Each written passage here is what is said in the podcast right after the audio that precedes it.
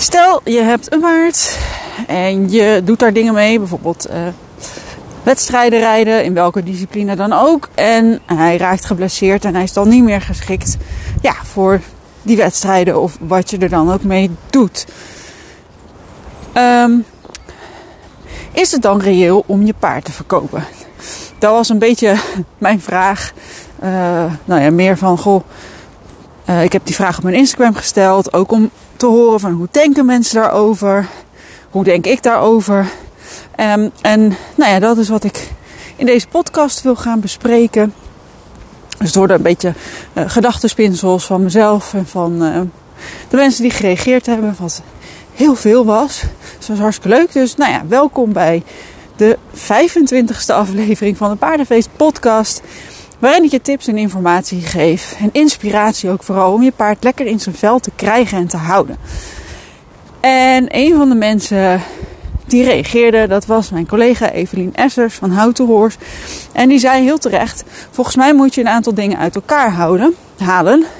Ten eerste is het wel, is het überhaupt uh, reëel om uh, dat was eigenlijk haar ten tweede, maar dat noem ik even mijn ten eerste.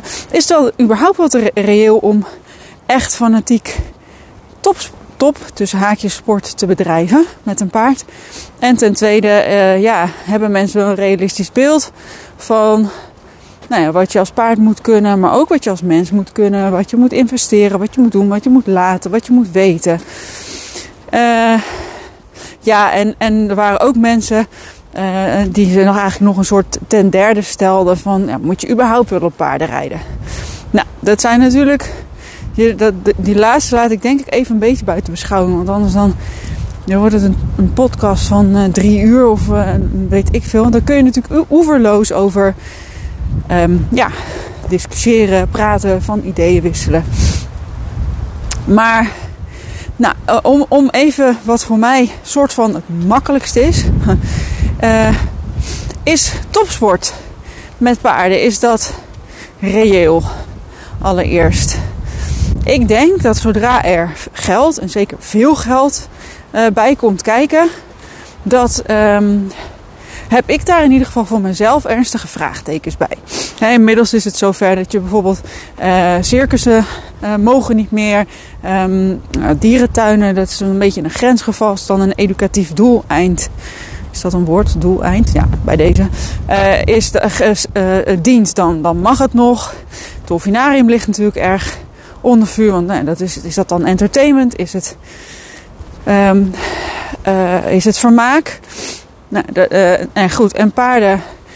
Ja, in de paardensport, zeker in de topsport, gaat gigantisch veel geld in om. En toevallig, nou niet toevallig, want dat heb ik bewust gedaan. Maar ik luisterde vandaag uh, een stuk van een webinar van Christina Frits. Zij is voedingsexpert uh, en van huis uit bioloog. En kijkt heel erg naar hoe um, is de voeding zeg maar in de natuur geregeld. Uh, en hoe gaan we dat dan bij onze gedomesticeerde paarden doen. En hoop dat jullie niet te veel last hebben van de wind trouwens. Want ik heb ineens, ineens heb ik, moet ik zo nodig tegenwind hebben. Ik weet ook niet waarom. Maar um, wat zij dus zei, is dat er dus blijkbaar in de fokkerij um, op een bepaalde manier gevoerd wordt, zodat de paarden sneller groeien. Zodat een driejarige eruit ziet als een, nou ja, echt een volwassen paard waar je makkelijk op kan gaan zitten. Uh, terwijl die ja, die, uh, die voeding, ik weet niet precies hoe dat dan zit, maar dan voer je volgens mij veel meer eiwitten. En nou ja, weet ik, dan krijgt hij dus uh, snellere groeispurt, groeit hij dus ook harder. Maar dat heeft ook effect op de botdichtheid bijvoorbeeld. dus je krijgt eerder OCD's, maar ook peesblessures. Um, en, en wat je dan krijgt is dat mensen op een zeg driejarige uh, gaan zitten en daar van alles van gaan vragen. Terwijl die ook nog in de groei zijn en echt groeispurts hebben. En nou, ik weet niet, ik kan me mijn eigen groeispurts eigenlijk niet zo heel goed meer herinneren. Behalve dat ik af en toe last van mijn knieën had. Maar groeispurts zijn niet fijn. Uh, kunnen oncomfortabel zijn. Uh, en, en ja, dat is dus ook iets om rekening mee te houden. Bovendien is het zo dat bijvoorbeeld een, een sprong. Ik meen ergens rond vijf jaar pas ergens een keer de groeischijven sluiten. Uh, en als jij een, als we het even hebben over dressuurpaarden, en je gaat daar al op jonge leeftijd A op zitten en B, uh, je vraagt eigenlijk ook al veel dragend werk van ze, ja, dan heeft dat natuurlijk effect op die groeischijven in de sprong. En daarbij, als, dat, als je dat paard dus dingen vraagt die het niet kan, gaat hij misschien compenseren, gaat hij misschien de voorbenen meer belasten, waar ook bij een driejarige ook nog niet alles van volgroeid is. Het is ook nog eens zo dat een groter paard um, nog wat langer doorgroeit. Of, of daar in ieder geval langer over doet voordat de groeischijven volgroeid zijn. Dus uh, nou ja, dan heb je eigenlijk al een heleboel dingen voor geld. Moet het allemaal snel? Snel, snel, vaak. Um, passen mensen gekke trucjes toe om, om zo'n paard ja, toch uh, rijklaar uit te laten zien. Maar maken we hem eigenlijk, zetten we hem, zetten we hem eigenlijk op voor falen. Want nou ja, eh, dat is wat ik wel eens vaker zeg. Een heleboel dingen zijn een soort sluipmoordenaars. Ja, als je dit met je paard doet, dan denk je misschien de eerste jaren, nou, is helemaal niks in de hand. Kan die makkelijk aan. Maar uiteindelijk gaat die stuk rond zijn twaalfde, dertiende, zoiets. En dan, ja, dan is de motor in de soep gedraaid. En dan gaat het fout. Um, en er zit heel veel druk. En ik hoor het al. En ik zie het al bij mensen uh, ja, die niet eens in de topsport zitten. Zie ik al als ze bijvoorbeeld trainingspaarden hebben of um, demo's geven. Zie ik al dat de druk van iets moeten presteren. Uh, vaak voor geld of uh, nou ja, hè, mensen hebben niet altijd of wat ze denken dat het publiek van hen verwacht, sorry. Uh, uh, dat mensen voor geld en voor verwachtingen al heel snel gaan. En als je bijvoorbeeld mensen hebt die um, paardenzadelmak maken. Ja, als je daar echt heel lang de tijd voor wil nemen, dan betekent het dat een eigenaar ook heel veel geld moet gaan betalen. Relatief. Het is eigenlijk helemaal niet veel geld. Als je ziet wat het kost en wat, en wat zo'n trainer daar dan uiteindelijk aan overhoudt. Maar ja, dus om maar even aan te geven, het is niet alleen de topsport. Ik zie het ook um, gewoon, mag ik dus aanleidingstekens gewoon zeggen, bij recreatieruiters. Die helemaal niet de topsport in willen. Dat, nou ja, het is, het is best wel een dingetje. Als er geld uh, om de hoek komt kijken. Nou, dus mijn hele korte antwoord op topsport. Ja, ik vind hem erg lastig. Bovendien vind ik het ook gewoon heel moeilijk dat paarden de hele wereld over um, gesleept worden, als ik het even zo oneerbiedig mag zeggen. En ik weet heus wel dat er mensen zijn die dan heel goed voor een paard zorgen. Maar ja, als ik kijk, dat is dan de bril waardoor ik kijk. Paarden uh, zijn groepsdieren.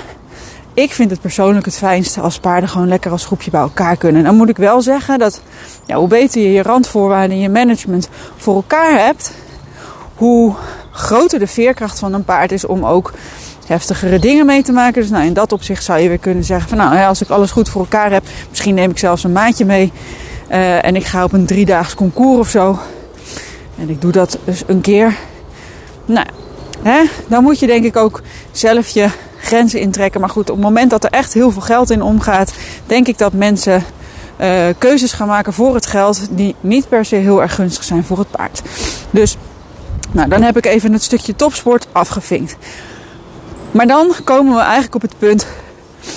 Uh, ja, ik denk voor de gewone ruiter die jij misschien ook wel bent als je hier naar luistert. Want ik denk dat je anders vrij weinig bij mijn podcast te zoeken hebt, vermoed ik. Misschien ook wel hoor, is mijn vooroordeel. Maar, nou hè, uh, de mensen die niet uh, tienduizenden euro's over hebben voor een paard. Uh, maar er toch fanatiek mee willen sporten. Misschien, dus, misschien nog net de subtop. Hè, dan heb je. Ja, ik weet tegenwoordig niet meer wat de prijzen zijn. Maar nou, dat zou nog kunnen. Uh, maar dan kom ik op een ander punt. Uh, en dat is fokkerij. Van wat ik nu weet, van wat ik nu heb geleerd, zijn we dingen gaan fokken die we mooi vinden. Voor het menselijk oog. Dus veel, veel spektakel, veel lenigheid, veel ja, uh, souplesse.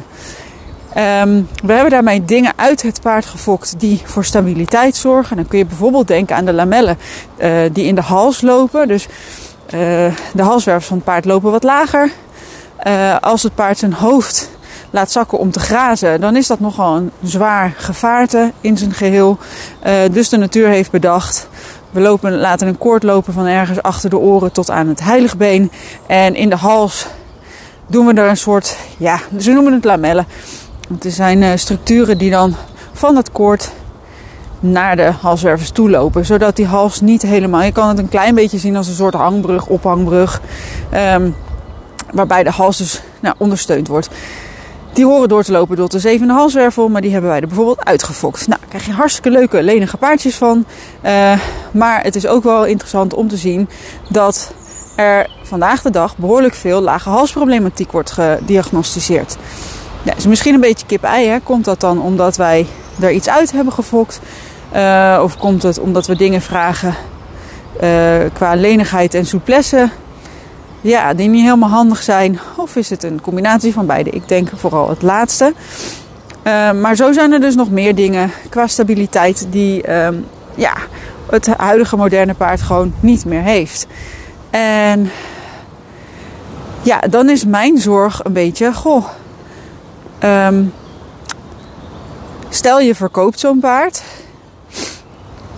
Uh, omdat je bijvoorbeeld, uh, je kan je ambities niet meer najagen. Um, en je koopt een nieuwe en je gaat dat er weer mee doen. Hoe groot is dan het risico dat je opnieuw, in, of uh, niet jij, maar vooral je paard, opnieuw in de problemen komt? Hoe groot is de kans dat ook deze eigenlijk niet stabiel genoeg is voor het werk wat jij ermee wil gaan doen. En, en dat is een lastige, hè? want um, ik, wat ik zie is dat een heleboel paarden best knap door kunnen compenseren en nog zichzelf best een tijd op kunnen vangen. Um, maar uiteindelijk gaat het een keer fout. Bij heel veel paarden die ik tegenkom. En ja, dat is wat ik zie. Um, iemand anders ziet misschien wat anders. Wat ik wel vind, is als jij op die manier een soort van fanatiek de sport in wil, dan denk ik dat het heel essentieel is dat je je wel gaat verdiepen in anatomie en de biomechanica. dan kun je wel zeggen, nou ik neem les bij iemand die dat heeft. Ja, dat snap ik op zich wel. Maar jij bent degene die met je billen op je paard gaat zitten. Um, en jij bent degene uiteindelijk die bepaalt um, ja, hoe die belast wordt, hoe vaak, hoe intens. Um, dus ik denk dat je het je paard verschuldigd bent om je dan op zijn minst te verdiepen in hoe de anatomie werkt. Wat mogelijke indicatoren zijn voor problemen. En daar kan je een hele opleiding voor volgen. Je kan ook wat bijscholingen doen. Ik denk zeker als je. Het is misschien een bouwde uitspraak van mij hoor. Maar ik denk eigenlijk dat als je op die manier dingen van je paard vraagt. Dat je ook eens een dissectie bij zou moeten wonen. Omdat ik denk dat je er een stuk nederiger van wordt. En een stukje voorzichtiger. Ik zeg niet dat je dan uh, vervolgens nooit meer op een paard klimt. Maar um, soms denk ik wel eens, dan zie ik mensen rijden en dan denk ik, ja, uh, nu gaat het nog goed. Maar de vraag is niet of deze een blessure krijgt, maar wanneer. En helaas heb ik tot nu toe, ja, uh, zie ik het tot nu toe ook elke keer zo uitkomen. Dus dat, is niet iets om heel vrolijk van te worden. Maar het is wel wat ik zie gebeuren. En nogmaals, dat is mijn bril. is misschien ook waar ik naar op zoek ben of zo. Um, maar het is niet zozeer dat ik er naar op zoek ben als wel... Ja, dat ik het uh, mensen gun dat ze gewoon heel lang van hun paard kunnen genieten. En dat ik het de paard ook gun dat hij gezien wordt. En dat er heel snel herkend wordt wanneer dingen ja, uh, fout dreigen te gaan. Uh, omdat onze paarden best wel makkelijk, wat ik wel vaker zeg, te overbluffen zijn. Uh, en het, het idee van nou, als hij het niet leuk vindt, zou hij het niet doen. Ja, sorry, maar die koop ik niet. Die, uh, dat ik, weet je, dat is mijn, het is, ik kom te vaak bij paarden. Het is mijn werk, maar ik kom te vaak bij paarden. Uh, die wel heel vaak dingen hebben gedaan die ze niet konden ja, om, om wat voor reden dan ook. Ik gooi het heel vaak op miscommunicatie. Het is echt geen onwil van mensen uh, om hun paard uh, um, ongemak of pijn te bezorgen. Dat, dat weet ik echt zeker. Mensen hebben goede intenties. Um, maar het is heel normaal om op een paard te gaan zitten terwijl je geen idee hebt. En ja, ik weet niet hoe het met jou is, maar ehm, ja, als ik naar de sportschool ga omdat ik bepaalde spiergroepen sterker wil hebben, of als ik naar, eh, eh, ehm, weet ik veel, eh, als, ik heb een wat minder goede rug, als ik daar oefeningen voor wil hebben, dan ga ik niet naar mijn buurvrouw, ehm, maar dan ga ik naar iemand die daarin gespecialiseerd is omdat mijn buurvrouw misschien iets zegt wat ze op internet heeft gelezen, maar geen idee heeft waar ze dan op moet letten. Um, en de fysiotherapeut heeft er gewoon voor geleerd. En die weet hoe een mens in elkaar zit. En die weet waar die op moet letten als er oefeningen gedaan worden. Um, nou, en ik denk als je in de topsport zit, dat je, of in de sport zit, dat je dat eigenlijk ook gewoon moet weten. Uh, want ja, dus ik zie nog best wel vaak dus paarden in de topsport. Dat ik denk, ach gut, met dat lijfie. Jeetje, wat zijn ze toch ongelooflijk lief dat ze dat doen. Maar uh, het lijf verraadt wel dat er qua training, qua belastbaarheid, qua manier van belasten iets niet goed gaan, gaat. Want ik zie spieren ernstig uh, overwerken en ik zie spieren eigenlijk helemaal niks doen. Nou, en, en dan weet je, dan weet je al, de gaat qua belasting is niet goed. En toevallig had ik het vanmiddag, ik zeg wel heel vaak toevallig, hè. Nou, het is de tweede keer, maar volgens mij doe ik het vaker in podcast. Anyway, zijpaadje. Ik had het vandaag, ik had studiedag vandaag bij Equine Studies. En ik had het er ook met mijn uh, medestudenten over van, nou ja, is het erg als een paard compenseert? Um, dat weet ik niet. Weet je, op zich, misschien is dat nogal het ding. Misschien is het niet eens erg als die op compensatie loopt, maar ik zou het. Uh, ik denk dat het dan wel handig is als ruiter dat je het weet, dat je het ziet en dat je in de gaten kunt houden van, goh, is dit nog wat ik binnen de grenzen vind? Moet ik misschien iets minder snel gaan? Uh, want dat zei zij ook van, nou, ik vind het gewoon leuk om een doel te hebben om naartoe te trainen. Uh, maar ik heb alle tijd en het maakt me niet uit hoe snel of hoe langzaam het gaat. Uh, maar zij heeft wel, dankzij de, onder andere de opleiding van, bij Equine Studies, ook heel erg goed besef van hoe het paard er van binnenuit ziet. welk effect bijvoorbeeld bepaalde schades kunnen hebben. En dan denk ik, ja, weet je, dan weet je in ieder geval waarmee je werkt. Nou, en um, dus dat, dat, denk ik wat mijn belangrijkste punt is als je met je paard wil sporten. Zorg gewoon, neem je verantwoordelijkheid. En je investeert in lessen, maar investeer ook een klein beetje in ja, wat basiskennis, anatomie. En doe, ja, eigenlijk doe gewoon eens een dissectie. Ik denk dat dat de meest um, ja, humbling experience dat, ik weet even niet, dat vind ik in Engels wel een mooi woord. Ik weet even niet of ik daar een goede Nederlandse, goede Nederlandse vertaling voor heb. Maar het maakt je wel bewust van waar je op zit. En dat dat wat er aan de buitenkant super sterk en groot uitziet, dat is het enerzijds ook. En aan de andere kant is het ook best kwetsbaar. Uh, en dan kom ik nog op een ander puntje.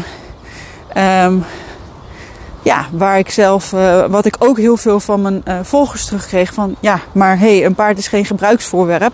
Uh, als die niet meer voldoet voor de sport. oh, dat was nog even mijn puntje voor de sport. Hè, van als jij paard A verkoopt omdat hij niet meer voldoet. ja, dan kan je paard B kopen. Maar nou, het risico dat het dus uiteindelijk ook fout gaat. is gezien de manier van fokken best wel aanwezig. Um, en daar had ik nog een punt over te maken. Um, nou, kom ik misschien zo wel op. Uh, nou ja, stom. Uh, nou, anyways, uh, mijn derde punt was wat heel veel mensen ook tegen mij zeiden: van ja, maar Jolien, een paard is toch geen gebruiksvoorwerp. Dat ja, hij, hij uh, hij, is, hij is niet per se om mee te sporten, hij is gewoon paard om het paard zijn. En dat vind ik ook altijd wel interessant. Um, oh, dat was wat ik wilde zeggen. Jee, ik heb hem weer. Uh, er zijn ook mensen die zeggen: ja, maar hè, als iemand zo de balen ervan heeft dat, dat hij of zij niet meer kan doen met het paard wat ze voor ogen had. Dat zijn in de meeste gevallen, eventjes mijn volgers en mijn uh, luisteraars zijn vrouwen, weet ik. En dat je voor ogen hebt uh, dat je er iets mee voor ogen had wat je graag wilde doen. Maar dat kan niet meer. En je kunt dat niet loslaten. En je gaat daardoor enorm balen van je paard. En dat zijn mijn studiegenootjes dus ook. En je gaat alleen maar focussen op dat wat jouw paard niet kan. Dan is het misschien wel zo eerlijk om een ander huisje te, te zoeken voor, voor dat paard. Nou, daar, daar zie ik op zich ook wel een bepaalde logica van in. Um, iemand anders zei van ja, uh, die zei ook zoiets, maar die had nog een iets andere strekken van ja, want anders dan hè, voor het welzijn van het paard is het dan beter dat hij, um, dat hij naar een andere, andere eigenaar gaat. En ik denk wel van eh, als jij alleen maar goed voor een paard zorgt op het moment dat hij jouw behoeftes vervult, ja, dan vraag ik me af of je überhaupt wel een paard wil hebben, moet hebben. Dat is misschien een beetje kort door de bocht, maar op het moment dat jij uh, dat, je, dat je een andere ruiter zoekt, of een ander mens zoekt, of een andere, andere plek voor je paard zoekt. Uh, als, als jij eigenlijk een soort van dromen en verlangens hebt die dit paard niet meer kan waarmaken. Nou, dan kan ik me daar nog wat bij voorstellen. Maar persoonlijk vind ik altijd een beetje lastig als een ander wezen, of dat nou een dier is of een mens, er is om jouw verlangens en dromen waar te maken. Dat is iets, dat is een persoonlijk ding. Ik denk dat je dat niet bij een ander neer moet leggen. Uh, het is natuurlijk wel heel tof als het kan. Ik zou ook zeker, eh, KS, stel dat jij uh, dol bent op reizen. dan kan ik me voorstellen dat je een partner zoekt die ook dol is op reizen. Maar stel nou dat je een fantastisch klik hebt met iemand. Ja, en diegene heeft vliegtuigangst. Die wil niet, niet reizen. Nou, dan, dan kan je kijken van oké, is dat voor mij een dealbreaker of niet? Dat kan. Uh, maar daar kom je dan waarschijnlijk samen ook wel uit. Ja, een paard heeft dan wat dat betreft niet zo heel veel keus. Maar ja, voor mij is het dus ja, uh, hartstikke tof. Je zoekt uiteraard ook mensen in je omgeving en vrienden in je omgeving waarmee je dingen gaat doen die je samen leuk vindt. Maar dan kom ik alweer ook op dat stukje samen. Uh, een paard moet het dan ook leuk vinden. Um, maar goed, ik kan me voorstellen dat je die keuze op zich maakt. Maar dus wel met wat ik dan in mijn achterhoofd heb, is goh, hoe groot is de kans dat het volgende paard jouw ambities wel kan vervullen. En ga je, als dat niet kan, ga je die dan ook weer verkopen. En hoe lang ga je dat dan doen? Uh, en dan kom ik eigenlijk ook op het derde punt. Hè. Uh, ik hoor heel vaak mensen zeggen van ja, hallo. Uh, um, uh, weet je, het paard, als die niet. Ik heb hem gekocht voor de, weet ik veel, voor de eventing, ik noem maar wat, of voor de springsport. Of ik wilde er ZZ dressuur mee gaan. En dat kan die nu niet meer waarmaken. Ja, hij is te duur om, om hem alleen maar te houden voor een rondje door het bos. Of hij is te duur om alleen maar als grasmaaier te houden. En dat vind ik op zich ook, ja, uiteraard. Ja, een paard is duur, kost veel geld. Maar ik vind het ergens ook wel een beetje gekkig. Maar dat kan ook aan mij liggen. Dat een hond of een kat, ja, die mogen wel gewoon als gezelschapsdier hond en kat zijn. um, maar een paard, omdat hij wat meer geld kost, nou ja, wat meer of veel meer moet hij er dus ook wat voor terug doen. Alleen dat paard heeft nooit gevraagd of wij erop wilden rijden. Dat, dat hebben wij bedacht en dan hebben we ons nut uitgehaald. Oh, daar komt de trein aan, lekker handig. Ga ik even een stukje deze kant op, anders hoor je zo uh, een hoop geraas. Maar goed, ja, ik, ik, ik snap het. Want ja, het is veel geld en het is ook voor je ontspanning. En tegelijkertijd heb ik er ook een beetje moeite mee. Um, dat we uh, het op die manier soort van... Ja, goed vinden dat we dan dus ook heel veel, uh, of heel veel, maar dat we dan ook dus dingen van het paard verwachten. Want anders is die te duur. Um, ja, dat is denk ik ook gewoon je, waar je, uh, ja, hoe je daar naar kijkt. Wat voor jou wel en niet ethisch is. Um, ja, uh, de bril waar je naar kijkt. Ik, um, ik zeg wel vaker, je moet altijd eventjes rekening houden met waar iemand vandaan komt als je daar informatie van inwint. Dus ook als je mijn podcast luistert, als je me langer volgt en ook op Instagram, dan weet je dat ik echt geen zak om rijden geef. Echt helemaal niet. Uh, ik hou, nou ja, hield, uh, maar ik hou nog steeds van mijn paard, ook al is die dood. Gewoon om wie die was en om, uh, ja, om de connectie die ik met hem had. Um, en ik hou ook van mijn katten om de connectie, om mijn katten om de connectie die ik met ze heb en niet om wat ze voor me doen. Uh, en zo hou ik ook op die manier van de mensen in mijn leven. Dus ja, dat is hoe ik in dingen sta. En ik denk dat je vrij bent om daarin je eigen keuzes te maken. Um, en nou ja, ik hoop dan wel dat je klein beetje in je achterhoofd houdt dat nou, onze paarden dus iets minder sterk en stabiel gefokt zijn uh, tegenwoordig dan, uh, ja, dan de natuur ze bedoeld heeft. Dat we ook echt andere dingen van ze vragen. Kijk, vroeger, ehm, eh, dat zei Tanja heel mooi van uh, Bosnia Mountain Horse Zinnen, dat account. Hè, vroeger ehm, hadden we werkpaarden. en die moesten bijvoorbeeld het land ploegen of dat soort dingen. Ja, en mensen zorgden wel goed voor die paarden. Want als ze dat niet deden, hadden ze een heel groot probleem. Want dan kon dat paard niet meer voor de ploeg. Ja, en tegenwoordig, de dingen die we nu van ze vragen, hm, uh, zijn dingen um, ja, waar we toch nog tot op best wel, best wel lang, uh, zeg maar, onze, ik weet niet hoe ik het goed moet zeggen, maar een beetje onze zin kunnen doordrijven. Hè? Het paard gewoon kunnen pushen uh, om toch die dingen te doen. Ook al geeft hij misschien al aan, dit kan ik niet of dit wil ik niet. Uh, ja, en, en ik denk, we beginnen er vaak veel te vroeg mee. Uh, ja, en ja, als hij het niet doet, of als hij het even niet kan, en dan balen we, pech, verdorie, peesblessure, nou, uh, moet ik revalideren, uh, nou, gaan we er alles aan doen, gaan we alles uit de kast halen. Terwijl ik denk, als je eerder had geïnvesteerd in bijvoorbeeld die dissectie en wat basic anatomische kennis, had je misschien dan wel waarschijnlijk je peesblessure kunnen voorkomen, of in ieder geval eerder herkennen. Ehm, dus nou, ik weet niet of het een heel samenhangend verhaal is geworden. Um, als je hier zelf gedachten over hebt. En nogmaals, dit is mijn visie. Uh, ook gebaseerd op reacties uh, die ik kreeg. En nou ja, de meeste van mijn volgers hebben uh, over het algemeen een paard voor het leven. Um, ook als die niet meer kan functioneren als rijpaard. Ja, dat sluit natuurlijk wel, zoals je hebt kunnen horen, enorm aan bij hoe ik er tegenaan kijk. Uh, maar ook als je anders denkt, weet je, ik zeg niet wat goed en fout is. Hè. Ik, ik geef hier mijn visie, uh, die meng ik met de kennis die ik heb. En nou, op basis daarvan maak ik keuzes en hoop ik dat jij misschien ook geholpen bent om keuzes te maken. Nou, dankjewel voor het luisteren naar deze. Ik zou het super leuk vinden als je mijn podcast deelt. Deze of een andere, bijvoorbeeld op je Instagram of je Facebook of gewoon uh, een privébericht naar mensen van joh, luister dit eens. Um, ook super leuk als je me laat weten wat je ervan vindt. Mag altijd een berichtje sturen. En dan hoor ik je heel graag weer bij de volgende. Hoi hoi.